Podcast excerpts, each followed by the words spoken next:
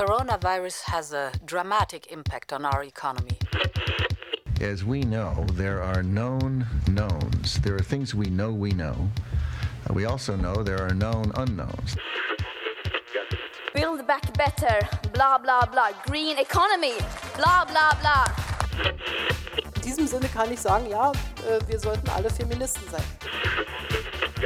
This footage from Al Jazeera purporting to show Taliban fighters inside the presidential palace declaring the Islamic Emirate of Afghanistan. I have a peculiar medical condition, which is that I don't sweat. I think it's a filter. It, And the- it is, and I don't know how to remove it. Not, I'm not a cat.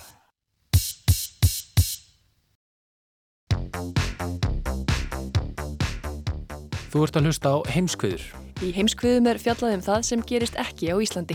Ég heiti Birta Bjöstóttir. og ég heiti Guðmundur Björn Þorbjörnsson.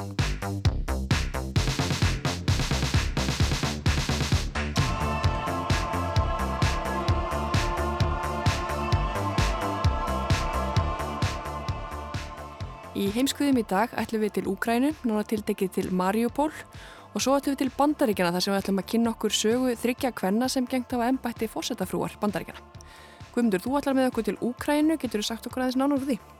Já, ég ætla að fjalla aðeins um stöðuna í Mariupol og borgina sjálfa. Ég ræði við Sergei Artamanov sem hefur búið hér á Íslandi síðastliðin tíu ára en hann er frá Mariupol og hann hefur svakalega sögu að segja en sýstir hans er enn í borginni. En þú, Birta? Ég ætla að fara með ykkur til Bandaríkjana að því tilefni að í vikunni voru frumsýndir þættir sem heita The First Lady. Þættinir eru smiðu danska leikstúrans Susanne Bier og segja sögu þryggja kvenna sem allar hafa búið í kvíta og nú verið giftar fósettum Bandaríkjana. En við ætlum að byrja í Júkrænu. Vladimir Putin, fósettur Úslands, lísti því yfir í fyrra dag að hafnarborgin Mariupol við Azovshaf hafi loks verið frelsuð innan gæsalappa úr höndum Úkrænustjórnar. Með öðrum orðum að rússar hafi nú náð Mariupol algjörlega á sitt vald eftir rúmlega 6 vikna stríðsátöku í borginni. Þessu hafna stjórnöld í Úkrænu og segir fórsetir landsins af og frá að borgin sé komin í hendur rússa. Guðmundur Björn tekur nú við. Við norðurströnd Asofshafs stendur blómleg borg, heimkynni tæplega 500.000 íbúa. Borgin heitir Mariupol eða Mariuborg og hefur síðustu ár gengt tíðingar miklu hlutverki fyrir ukrainskan efnahag. Elstu fornminjar um mannabygðir á þessu svæði eru frá þriðja árþúsundi fyrir Krist. Frá 12. og fram á 16. öld geisuðu styrjaldir á þessu svæði og var það mestuleiti lagt í rúst í langvinnum átökum millir krímtartara, stórfyrstadæmis Litáen, Moskóvíta og fleirum sem sóttu það fast að tryggja sér þar yfiráð. Eftir stríð rússa og Tyrkja sem stóð yfir árin 1768 til 1774 var borgin Marianapol reist. Í augum rússa hétt hún í höfuðið á rúsnesku keisarinjunni Marju Fedorovnu en vísaði í raun nafngiftin í gríska landnemabegið á Krímskaga, Mariampol, sem dró nafnsitt af heilagri Marju Guðsmóður. Og þetta var stór og rík íðnaðarborg uh, með alltaf 500.000 íbúa en uh, áður uh, var kölluð þessi borg Zdanov. Þetta er Sergei Artamonov sem hér talar. Ég fædist í Mar Mariupol árið 1988 og þetta var í sovisku Ukraínu. Á sovjettímanum frá 1948 til 1989 hétt borgin eftir Andrei nokkrum Stanov, mikilvægum flokksmanni og áróðusmeistara kommunistaflokksins en hann var fættur í Mariupol. Borgin endurheimti svo sitt sögulega nafn Mariupol við stopnun sjálfstæðis ríkis Úkrænu við fall Sovjetríkjana. Sergei ólst upp í Mariupol á árunum eftir fall Sovjetríkjana og fram á fullorins ár. Að loknu bakkalárnámi í alþjóðasamskiptum árið 2010 fluttist hann til Reykjavíkur, þá 22 ára og hefur verið hér síðan. Sergei talar um heimaborg sína í þáttíð. Hún var stór og rík yðnaðarborg, sagði hann. Já, kannski á að tala um Mariupol í þáttíð, borg sem var gott að búa í. Og þetta var mjög hæmingisum borg. Uh, bestu vinnir mínir eru úr askinni mín eru allir uh, voru þarna og uh, þetta er borg með bestu míning, míningum af lífi.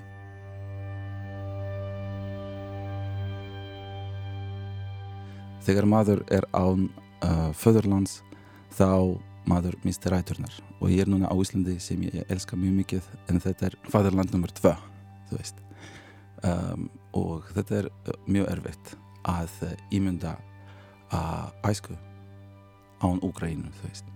Nú er ég smá í lofti.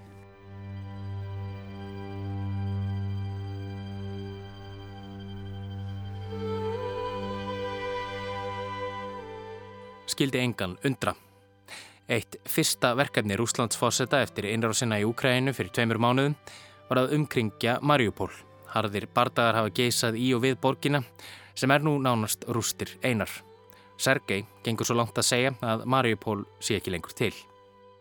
Putin vildi hefna sín á Mariupól sem núna gefur, uh, uh, sem gaf áður, núna, uh, Mariupól er ekki til sem gaf áður 10% af fjarlugum í Ukrænu uh, og Putin vildi hefna uh, fyrir þá staðarind að borgin stóð gegn svokallaða rúsneska uh, vorinu, vorinu anti-Maidan sem gerðist árið 2014 þá borgin var umsettin af rúsneskum herminum sem vildu að Mariupol yrði hluti svokallaða artiðsliðveldis Donetsk sem gerðist ekki.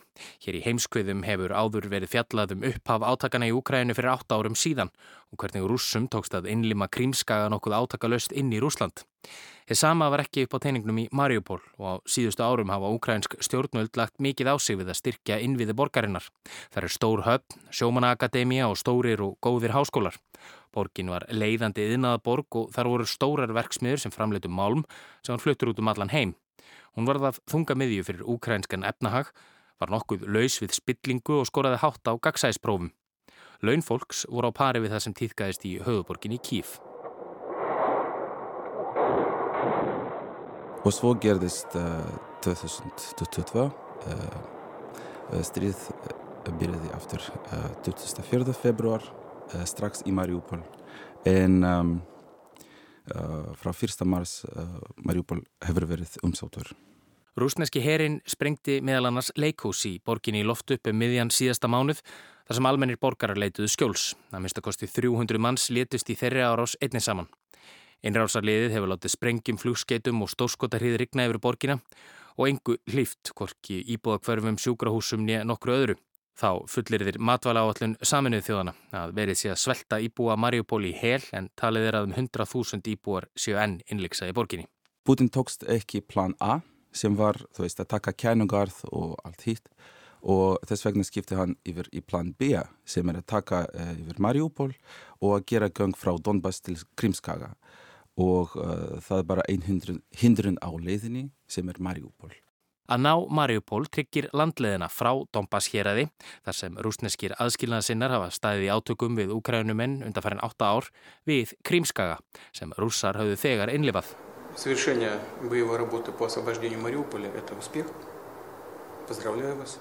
Í fyrra dag greindi Pútín Rúslandsfossiti svo frá því að borgin hefði loks verið frelsuð úr höndum úkrænumanna eins og hann orðar það þegar ráðist er inn í fullvalda ríki og það hernumið. Selinski Úkrænufósiti neytar því að borgin sé komin á vald rúsa og bendi á að hermenn í Mariupol veitir rúsneskum hersveitum enn harða mótspilnu og því sé borgin enn undir stjórn Úkrænumanna.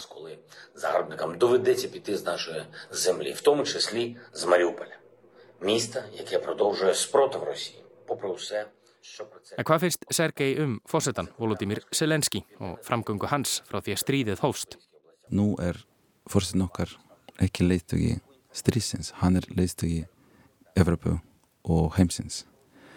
Og hann setur upp nýja political ethics ég myndi segja sem þýðir að hann vild ekki fá orð frekar aðhafnir, actions. Mm -hmm.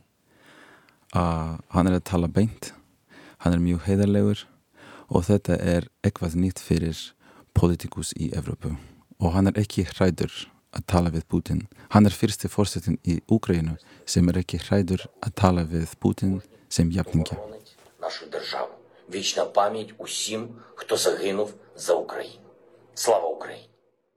Sergei Sjókó, vartamálar á þeirra Rúslands, tjáði Putin á fymtudag að Mariupol væri nú öll undir rúsneskum ráðum fyrir utan Asofstal Malmverksmiðina. Við erum í Rúslands, við erum í Rúslands, við erum í Rúslands, силами Народной милиции Донецкой Народной Республики освобожден Мариуполь.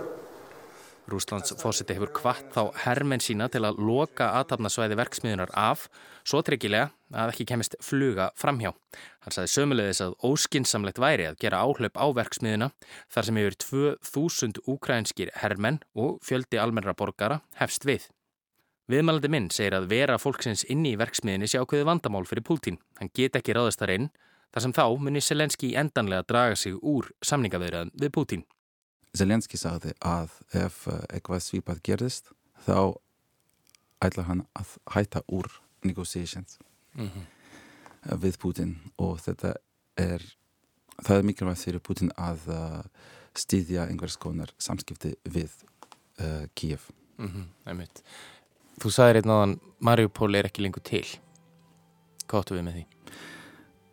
Ég meina að uh, 90% af öllum íbúðum og byggingum uh, er já, er ekki til. Þetta er allt um, Mariupol er núna rústir að minnst að kosta á 90% það er ekki hægt að búa. Þetta er bara stærsti harmleikur 2001. aldar ég myndi segja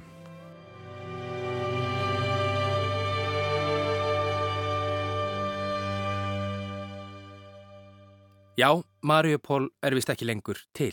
Það er ekkert símasamband, ekkert netsamband og nær öll borgin hefur verið jöfnuð við jörðu. Í fyrra dag fannst stór fjöldagröf í þorpinu Manhús, skamt frá Mariupol, sem talið er að sé alltaf 20 sunnum stærri en fjöldagröfin sem fannst í borginni Bútsja í byrjun mánuðar. Pavlo Kirilenko, hérastjóri í Donetsk, skrifaði á samfélagsmiðlinn Telegram að talið sé að gröfin gemi líkamsleifar þúsunda almennra borgara. Þá er margt sem bendir til þess að rússar brenni lík almennra borgara til að fela umfang harmleiksins fyrir umheiminum. Þetta er eins og þú veist CNN-effekt smá. Við sjáum ekki harmleikin, þá gerist hann ekki. Uh, og rússar vil ekki endur taka mistökin sem þau gerðu í Búcha. Segir Sergei, en bætir því við að hvað hafi gerst í Mariupol sé hundrað sinum starra. Og enginn hreinsar upp rústurnar, fólk er grafið undir þeim og miðað við hversu miklar hamfærirnar eru má kalla Mariupol japanska Hiroshima, tjechenska Beslan eða sirlenska Aleppo núna.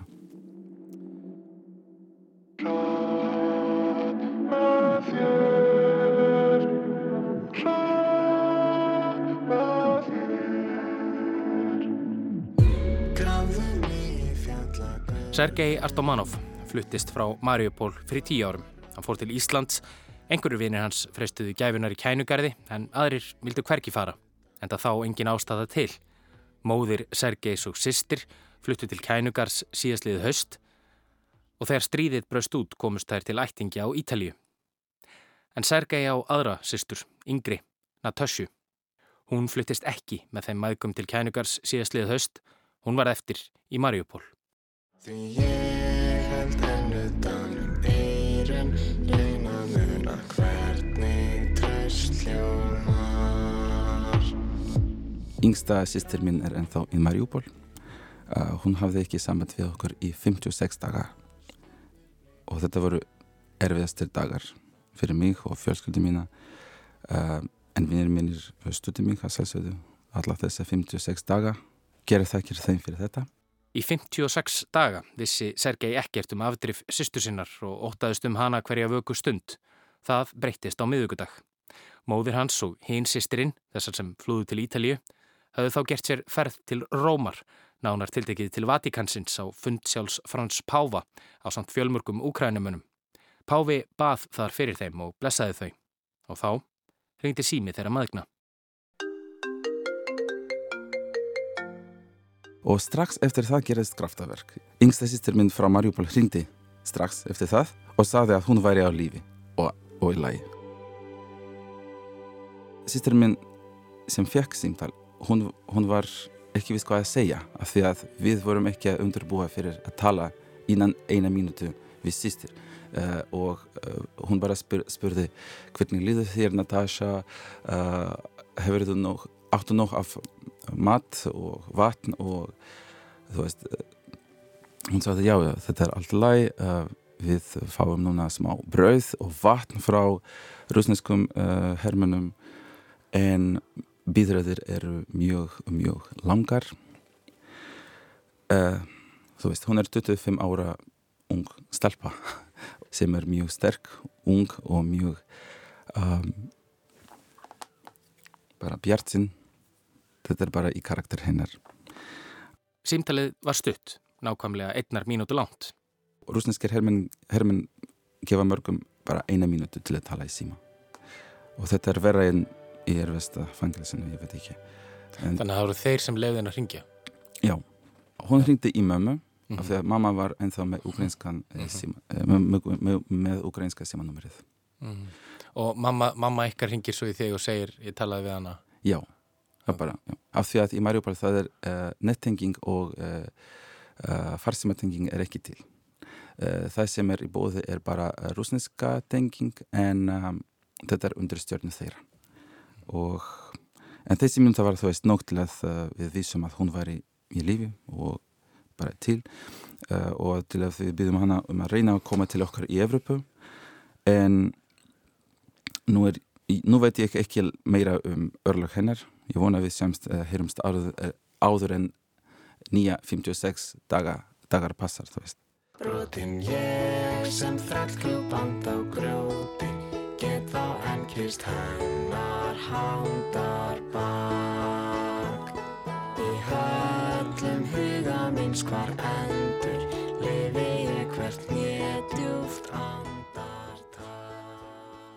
Natasja ákvaði að vera eftir í Mariupól til að yfirgef ekki kærastansinn en heilbreyður og barndlausir karlmenn á aldrinum 18 til 60 ára með ekki yfirgefa landið. Þau eru saman í borginni á samt fjölskyldu hans. Þetta er ekki bara uh, öryggi, þetta er saga líka um ást. Hann getur ekki farið úr borginni og hún velur að uh, standa hjá húnum. Mm -hmm. Þetta er mikilvæga fyrir hana. En Sergei á vini og aðra ættingja frá Mariupól Engin símtöl hafa borist frá þeim og um örlög þeirra veit hann ekkert. Ég er heppin að vita það ekki.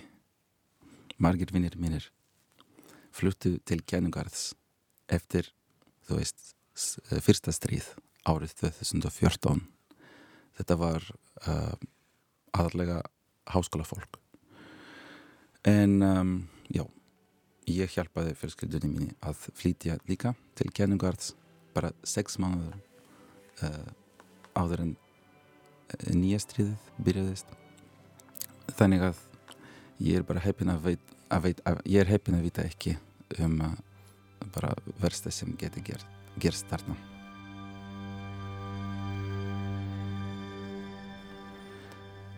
Heldur að heldur að þú er einhvern tíman eftir að koma aftur til Mariupól? Heldur að þú getur það? Eða sem sagt heldur að þú gætir það sjálfur? Ég er ekki bjart sinn e, yfir Mariupol. Ég held að uh, ef Putin er í valdi í Rúslandi það er ekki hægt að breyta nýju landmark sem hann er að setja núna. Þetta er bara spurning af tíma. Ég held að Ukraina ætla að minkast eftir það. Putin eðlagði uh, borgina mína en hann getur ekki eðlagt hann í sáli. Og þegar, þetta er ekki spurning af ef kannski, þegar við e, sigrum þá ætlum við að endurbyggja allt. Og þetta er bara mikið björnsinni er í gangi. E, þú veist, að lókum þetta er ekki spurning af pinningum eða fyrir, þetta fólkið er aðalverð með til Ukrænu en rúsneskir heimir virðast ekki skilja þetta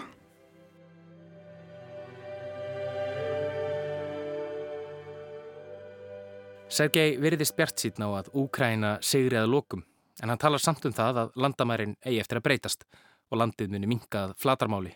Það þurfum við að horfast í auguvið, líf fólks sé verðmætara en landamæri. Ég trúi því að öllum þessum hryllingi ljúki eins fljótt og auðuð er. Við sjáum núna merki af þessu þegar rúsar koma.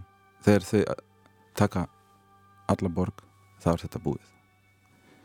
Er það eins og núna, viltu það frekar að, að rússar taki bara borgina? Ég, já, þetta er ótrúlegt að heyra frá mér en ég bara hlakka til að þegar rússar, rússar taka uh, borgina mína. Af því að eins og ég saði áður fólk er aðalverðmæti okkar en um, við býðum fyrir fjölskyldu okkar og vinum allan uh, já bara allan tíma Og heldur þú þá að það geti verið þannig að segjum að stríðinu ljúki að þá verði Mariupol bara hluti af Rúslandi? Já, frekar já núna en þetta er tímabundið mál ég trúi þessu líka mm -hmm. Þannig að kannski einhver tíman setna geti Mariupol aftur orðið hluti af Úgræðin Já, eh, eftir Putin er ekki lengur í Kremlin Það er hægt að endurbyggja verksmiður og hús, segir Sergei, en það er ekkert að reysa fólk upp frá dauðum. Hann trúir því að Úkræna muni sigra, en að Rúsland gerir það sömu leiðis. Sigur rússa verði þó að endingu að vera fólkin í því að koma Vladimir Putin frá völdum og sjá til þess að hugmyndafræði hans nái aldrei aftur bólfestu í Kreml. Nætur líða alltaf jafn hægt í þessum kafbát verða lítil skrem í snjónum sem að liggja niður að höfn Sáltáns elskaðasta ambátt eða hvað sem ég get kalla þig Mér er kallt og ég er einn all þessi kvöld Í ljóði til dóttur sinnar erkir Bjartur í sumarhúsum um tíu miljón manns sem séu myrti í gamni utan lands, fólk sem hann ekki þekkir og sirkir ekki. En aftur á móti var annað stríði einum grjótkletti forðum tíð, allt út af veitni jurt, sem óks í skjóli og var slitin burt. Lífsblómið Ásta Sólili á söknuðurinn eftir henni er þverhausinum Bjarti hugleikin. Því hvað er auður og afl og hús ef engin jurt vex í þinni krús. Því gegnum þínar kviksjár verða stjörnukerfin álitleg til að ferðast um með félaga held ég. Jafnaldri minn Sergei sirkir vissulega það er 20.000 úkrænumanna sem fallið hafa í tilhæfilegsri innrás rúsa sem á örlög þeirra miljóna samlanda hans sem hafa þurft að flýja landið eða er á vergangi innan Úkrænu. En hann er líka bróðir sem saknar sýstur sinnar og óttast um hana dag og nótt. Hver langur tími mun líða þar til hún fær að ringja annað einnar mínútu símtal, veit engin. Hvað heldur þau? Heldur að, heldur að hún komist út? Heldur að sjáur hann áttur? Uh, ég held að þetta er bara stór spurning en að minnstakosti nú hætti ég bara að lesa lísta yfir látna áður en ég fer að sofa.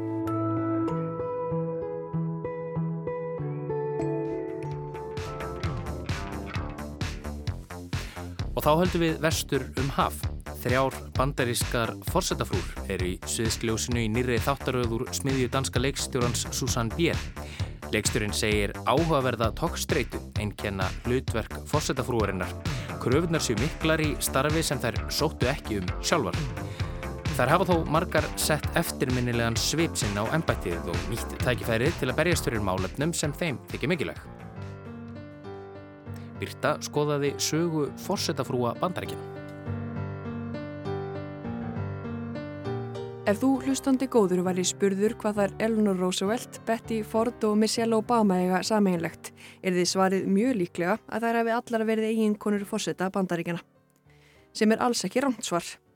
Það sem þeir eiga hins vega líka sameinlegt er að þær eru aðal sögupersonunar í nýjum sjónvastáttum úr smiði Susanne Bier sem frumsýndir voru í vikunni.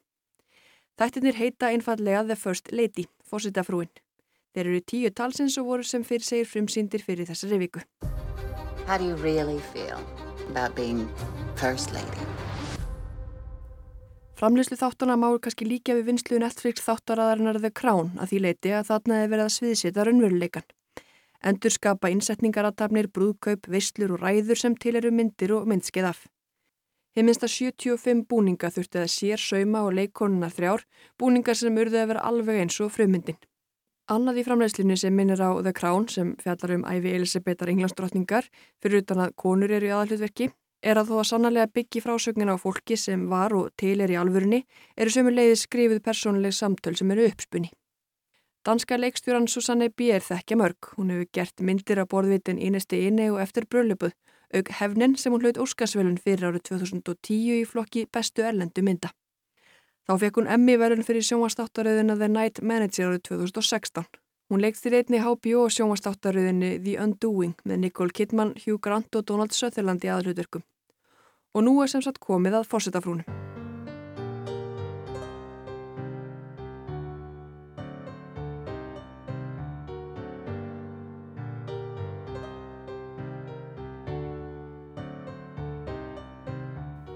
FLOTUS er skamstöfunin sem notuður yfir eigin konu fórseta bandaríkina, First Lady of the United States.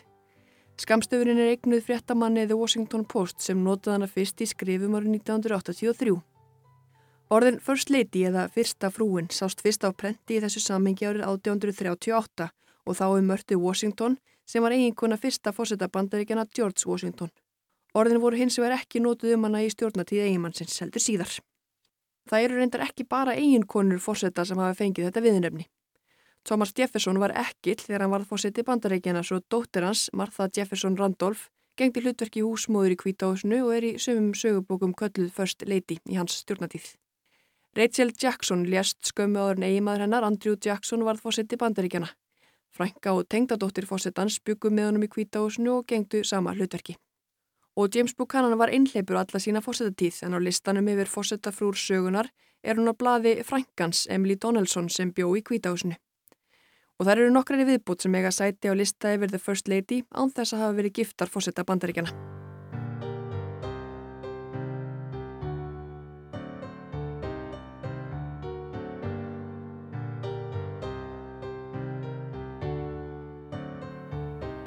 Frá því snemma á 20. öldinu hafa fórsetta frúrnar yfir skrifstofu og starfsfólki að ráða í kvítahúsinu. Það er berjast margar fyrir málstað sem þeim þykir mikilvægur og á síðari árum hafa mjög margar þeirra gefið út æfisögur sína þegar fórsetatíð eigimanna er lokið. Bækur sem hafa verið mjög mikið lesnar og þykja oft gefa áhugaverða og kannski aðeins mannlegri sínin í veruna í kvítahúsinu en aðrar pólitískar æfisögur. Fyrsta fórsetafrúin sem ekki var fætt í bandaríkjunu var englendingurinn Louisa Adams, eiginkona John Quincy Adams. Síðan þá hefur reyndar bara ein önnur fórsetafrú flutt í kvítahúsið sem ekki er fætt í bandaríkunum. Það er Melania Trump, eiginkona Donald Trump sem er frá Slóvinni. Francis Cleveland er yngsta fórsetafrúum frá upphafi, hún var bara 21 árs þegar maður hennar Grover Cleveland varð fórseti bandaríkjana árið 1886. Svo elsta til að verða fórsetafrú bandaríkjana er svo sem nú býr í kvítahúsinu. Jill Biden var 69 ára þegar Joe Biden varð fórseti bandaríkjana. Jill er fyrsta konan í 232 ára sögu fósetta frúa bandaríkjana til að halda áfram starfi sínu eftir að maðurinn hennar fekk nýtt starf, en hún er kennari.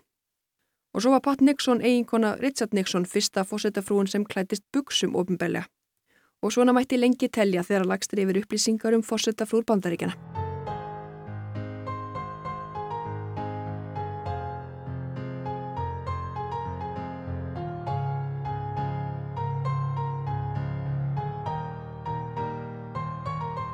Það hefur aðeins einu sinni gerst að fyrir um fósettafrú hefur freista þess að verða sjálf fósetti bandaríkjana. Hillary Clinton hafði reyndar ekki erindi sem erfiði en hún er engu að síður svo fósettafrú sem hefur átkvað lengstan og fassalastan feril í stjórnmálu. Undir lok síðara kjörtíma Bills, Bills Clinton flutti Hillary til New York til að bjóða sér fram til öldungadeildar bandaríkithings í ríkinu. Chelsea, dóttir Clinton hjónuna, stóð þá vaktina með föður sinum í kvítahúsinu á meðan. Síðustu 17 daga kjörtíma Bills Clintons var eiginkona hans bæði First Lady en einnig öldungadeilda þingmaður Nújörgríkis. Hingadil hefur það verið eina af óskrifuðu reglunum sem ennbættinu fylgjað maki fósetta sem í öllum tilfellum Hingadil hefur verið kona, hefur lagt niður fyrir störfi flutning í kvítahúsið. Jill Biden þá verandi eina undantekningin enn sem komið er. En þar hafa það þú alls ekki alla setið með hendur í skauti millir þess að það klæðas upp fyrir koktelvislur. En svo danski leiksturinn Susanne Bier segist hafa komist að við vinstur þáttuna The First Lady. Engin af konunum þremur sem fjallaðurum í þáttunum var kjörin í ennbætti fósættafrúar. Það voru mennitin þeirra sem voru ráðnir í ennbætti. En þær höfðu einhverja síður mikil völd, höfðu bæði áhrif á gengi einmannana í kostningabarátunni en einnig innan vekkja kvítahúsins. Fósættafrúin er glansmynd og væntinganar eru að þú lifir eftir kröfunum sem fylgja tillinum, segir Bér. Hún segir það einmitt einn af lærdómum þessara vinnu, er hverju laun litlar breytingar hafi orðið á þeim ramma sem fylgir þeim konum sem ganga inn hlutverkið að mörguleiti hafi sami veruleiki blasaði Michelle Obama og Eleanor Roosevelt. Og þó þær séu ófáar sem hafa bórið hinn óformlega titil The First Lady í valda tíð 46 fósetabandaríkjana eru það aðeins þrjár sem eru í aðalhutverkum í þáttaröðinni. Og eins og í fyrri þáttaröðum Susanne Bier eru það engir aukvísar sem leika aðalhutverkin. Gillian Anderson leikur Eleanor Roosevelt, Michelle Pfeiffer er Betty Ford og Viola Davis leikur Michelle Obama. En af hverju allir þessar þrjár fósetafrúr hafa orðið fyrir valinu? Það liðu hátt í hundrað ár frá því að Eleanor Roosevelt flutti í kvítahúsið þanga til að Michelle Obama flutti þaðan út. Þar Eleanor og Michelle eiga reyndar eitt og annað sameigilegt. Það eru til dæmis hávöksnustu fórsetafrúðnar frá upphafi, báðar um 180 cm á hæð. En það er líklega ekki sústaðarinn sem reyði því að þær eruðu aðal personunar í þáttunum, heldur frekar sústaðarinn að þær, á samt Betty Ford, gerðu hitt óformlega en engu að síður valda mikla ennbætti maka þjóðulegutúa að sínu.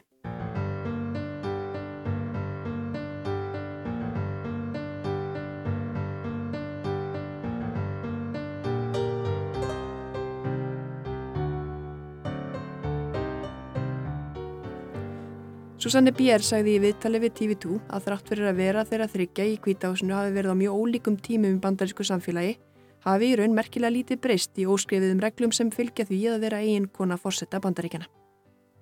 Og þær reglur hafa eiginlega leiði fyrir meira og minna síðan Martha Washington, eigin kona fyrsta fórsetta bandaríkjana, George Washington, var þar með fyrsta fórsettafrún árið 1789. Húsmóðustarfi var þá veruleiki flestra kvenna og fórsettafrúin var þeins konar spari útgáfa henni. Konan sem hugsa vel um börnin og býr útivinnandi eiginmanni sínum og börnum gott heimili. Konan sem hugsa vel um sjálfa sig og þá kannski ekki síst útitslega. Hún þarf að koma óaðfinnulega fram bæði hvað varður útlitt en einnig vitsmunni. Það hefur nokkið alltaf verið auðvelt og sjálfsagt að hefja nýtt lífundur nálar auga eimsbyðarnar bara því að eiginmæðin fekk nýtt starf. Starf sem setur makarinn þær skildur á herðar að verða eins konar almenningsseitin í eitt eða tvö kjörtímabill. Skiptir þá engu hver vinnustæður eiginkonar var áður en hún flutti í kvítahúsið, heimilið eða eitthvað annað. Man must have freedom in which to develop his full stature. Eleanor Roosevelt hefur lengst allra verið fórsetta frú bandaríkjana. Franklin D. Roosevelt, eiginmaður hennar, var fórseti í fjögur kjörtímabill frá ánni 1933 og þangað til hann lést árið 1945. Eleanor var einnig fyrsta fórsetafrúin til að halda sjálf reglulega bladamannafundi, svo fyrsta til að skrifa reglulega pistla í dagblöð, auk þess sem hún var umsjónakona vikulegs útastáttar. En Eleanor Roosevelt var sjálfbísna pólitísk og létt til sín taka á því sviði áður en hún var fórsetafrú. Mannriktindi og ekki síst kvennriktindi voru hennar helstu baróttumál, líka eftir að hún setti stað í kvítahásnum stundasakir. Hún var til dæmis talsmaður mannrittindasáttmála saminuðu þjóðuna þegar hann var samþögtur árið 1948. Og þá var hún fyrsta fórsetafrúin sem flög með flugvill. Þetta var í aprílar 1933 og flugstjónu var ekki að veri endanum. Amelia Earhart flög með fórsetafrúna nokkra ringi í krigum Baltimore. Hægt er að benda áhuga sömum á áhugaverðan þátt veru öllu og dóttur um Amelia Earhart og örlög hennar í þætti af í ljósi sögunar frá september árið 2019. Leikonni Gillian Anderson er ímislegt til listalagt. Hún tólkaði Margaret Thatcher í Netflix þáttaröðunni The Crown og í þáttunum nýju bregður hún sér í hlutverk Eleanor Roosevelt. Það er svo Kífer Söðurland sem leikur Roosevelt í þáttunum. Já, því þó þættirnir séu um fórsetta frúrnar eru fórsetarnir sömu leiðir til leiknir í þáttunum The First Lady. Það er Aaron Eckhart sem leikur Gerald Ford og O.T. Fagbeni leikur Barack Obama. You are the husband of a wife who has a mind and a life of her own. Réttæpum 30 árum eftir að Eleanor Roosevelt flutti úr kvítahúsinu tók Betty nokkur Ford við hlutverki fórsetafrúar bandaríkjana.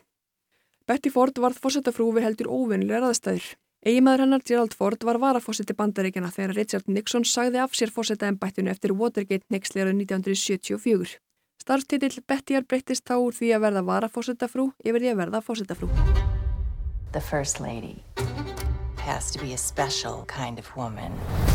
Sankot æfisögu Betty Ford sem kom út árið 2018 voru fyrstu viðbröð hennar við skindilegum flutningi í kvítahúsið eitthvað á þessa leið. Ok, ég flytt með í kvítahúsið, ég skal gera eins vel og ég get, en líki fólki ekki hvernig ég gera þetta, þá getur það bara sparka mér á dyr. Það verður ekki hægt að þrönga mér til að gera eitthvað sem ég vil ekki. But they can't make me somebody I'm not. Betty Ford hafði verið fórsetafrú í sjö vikur þegar hún greindist með brjóstakrabba minn. Þetta var árið 1974 og þó tímatni væri smám saman að breytast var brjóstakrabba meginn ekkert sem konu voru mikið að bera á torg og ræða ofinbelja. En það ákvað Ford hins verið að gera og begði þar með óskrifaða reglur sem áður höfðu mótast í ennbættinu. Þetta viðhorf hennar engendi veruna í kvítahúsinu. Brjóstakrabba meginn var ekki það eina sem hún setti á darskrá og rætti ofinbelja um sem fórsetafrú. Marihuana, kynlíf fyrir hjónaband, jafnrétti kynjana og frelsi til þungunarofs var meðal þess sem fórsetafrúin Ford rætti ofinskáttum. You knew what you were getting into. You kept your political dreams a secret from me. I'll be here for you. But I am going to be myself. Betty Ford fann fljótt að hún sló réttan tón með því að vera opinská. Bandargemenn voru margir mjög til í að ræða þess málinn eftir pólitíska skandala sem lyktuð af spillingu, þöggun og ósannsögli. Hún varð afar vinsal hjá almenningi, mörg fögnuðu þessum fersku vindum úr kvítahásinu. Sjálf áttaði hún sér líka á því að hún gætt komið ímsöndi leiðar í nýju ennbætti. Þó það liggi ekki fyrir staðfest tölfræði um staðhefinguna eru flest á því að opinská umræða betti í fordum brjóstakrafum einn sitt hafi orðið til þess að mikill fjöldi hvenna fór að verða vakandi fyrir mögulegum einkennum brjóstakrafum eins. Leitað aðstóða lækna þegar grunnu var á að eitthvað var ekki eins og það ætti að vera. Svo það má vel vera að Betty Ford hafi með umræðinu bjargað lífi fjölda hvenna. Leiksturinn Susanne Bier segir þetta enn eitt dæmið um hversu margar fórsetafrúr hafa nýtt valdið sem fylgir ennbættinu til góða. I do not believe that being First Lady should prevent me from expressing my ideas. Betty Ford barðist líka við áfengisfíkn og var fyrsta að greina ofinbellega frá þeirri glímu sinni. Eftir að verunni í kvítósnu laug stóð Betty Ford að stopnun meðferðastöðvar í Kaliforníu sem ber nafnið hennar. Alkoholismin og brjóstakrafn meinuð og allt hitt vildi Ford sem sér ræða ofinbellega til að mögulega hjálpa öðrum. Í þáttum Susanne Bier er greint frá tveimur ráðgjöfum eigimannsins og fórsetan Gerald Ford sem lögðust alfari gegn því að Ford opnaði sig um ég persónlega hluti. Ráðgjafanir tveir áttu svo reyndar eftir að koma talsvert við sögu í bandarískri pólitík þegar framliðu stundir. Þeir þetta Dick Cheney og Donald Rumsfeld. Change me in any way You don't own me Don't tie me down cause I'd never stay Michelle Obama var fórsetafrú bandarækjana árin 2009 til 2017. Þó að Barack Obama hafi sannlega einn verið kjörinn fórseti bandaríkjana síðla árs 2008 lögðu þau Obama hjónin allatíð mikið upp úr því að Michelle fengi sitt hlutverk líka. Michelle Obama er einn mest mentaða fórsetafrúin til þessa og Obama hjónin vildu bæði vera dæturum sínum en einnig sonum og dæturum bandaríkjana fyrirmynd þegar að kemur að jafnbrytti og jafnum tækifærum óháð kyni og uppruna. Obama hjónin voru jafnframt fyrstu fórsetahjónin í sögu landsin sem ekki eru snjaka hvita á hörund. They want to turn me into a black Martha Stewart? I will pick my team, choose my causes, understood? Óskarsverðuna leikonan Viola Davis leikur Michelle Obama í þáttunum. Í viðtali við Entertainment Tonight saðist Michelle ekki verðskuldast líkan heiður að vera leikin af Davis. Og Michelle gerði það sem margar aðrar og undan henni gerðu, beindi kröftum sínum og áhrifum til að vekja aðtegla á málöfnum sem henni eru kær. Henni var reyfing og heilbriðu lífstíl ungs fólks til dæmis hugleikin. Í baróttun gegn offitu ungs fólks rætti Michelle af stað áttakinu Let's Move og nautiliðsins ekki ómerkari manns en hins ram íslenska íþróttáls sem heimsóti kvítáðsig og leik með Obama í auðlýsingu sem átti það hvetja til leiki á reyfingar. Playing for 60 minutes a day isn't just fun, it's an important way to stay healthy and strong. And this gives you the energy to do it. Fantastic, let's move! Það má kannski líka þessu við kongafólk og þau sem kvænast inn í slíkar fjölskyldur. Fólki þeirri stöðu nýtir alla jafna völdin sem fylgja stöðunni til að vekja máls á því sem betur um að fara og velja þá málarflokka sem þau brenna fyrir. Þetta er líka eitt af því sem hefur breyst frá því að fyrsta fórsetafrúin Martha Washington gekkin í hlutverki árið 1789. Lestrarkunnóta barna var nokkuð sem fórsetafrúin Barbara Bush barðist fyrir og það gerði reynda tengdadóþurinnar Laura Bush sem fetaði fótspor hennar nokkrum árum síðar. Rosalind Carter breyndi sjónum sínum með andlegu hilbriði þjóðarinnar, Melania Trump barðist gegn hatus orðræði á netinu og aðgengi að heilbriðistjónustu var nokkuð sem Hillary Clinton vakti máls á.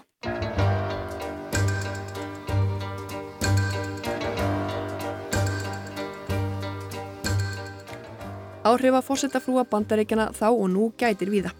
Sumar hafa orðið mikla tísku fyrirmyndir. Hallar líklega á enga að því er haldið fram að fremst meðal jafninga í þeim efnum hafi verið Jackie Kennedy.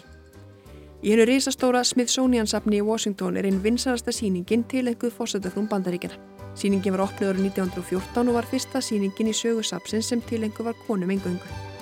Þar má sjá kjóla, botlastell, skartgripi og aðra persónulega muni úr eigu allra frá mörtu Washington til Melania Trump. Áhugi og skoðanir almengis á þeim sem gegna ennbættinu hverju sinni er ótvíraður. Og það er einmitt þetta, þetta floknar hlutverk með óskrifiðum reglum, tilættunarsemin og sterkar skoðanir sem fólk hefur á því hvað þær gera og hvað þær gera ekki í starfi sem þær hvorki sóttu um nýja fá greitt fyrir. Þetta er raun kjarni þáttana hennar Susanne Bier um fósittafrúnar þrjár, en í leiðinni kannski þær allar á einnið annan hátt. You don't own me I'm not just one of your many toys You don't own me Þetta verða loka orðin í heimskuðum þessa vikuna. Við verðum þér aftur á sama tíma í næstu viku. Takk fyrir að hlusta.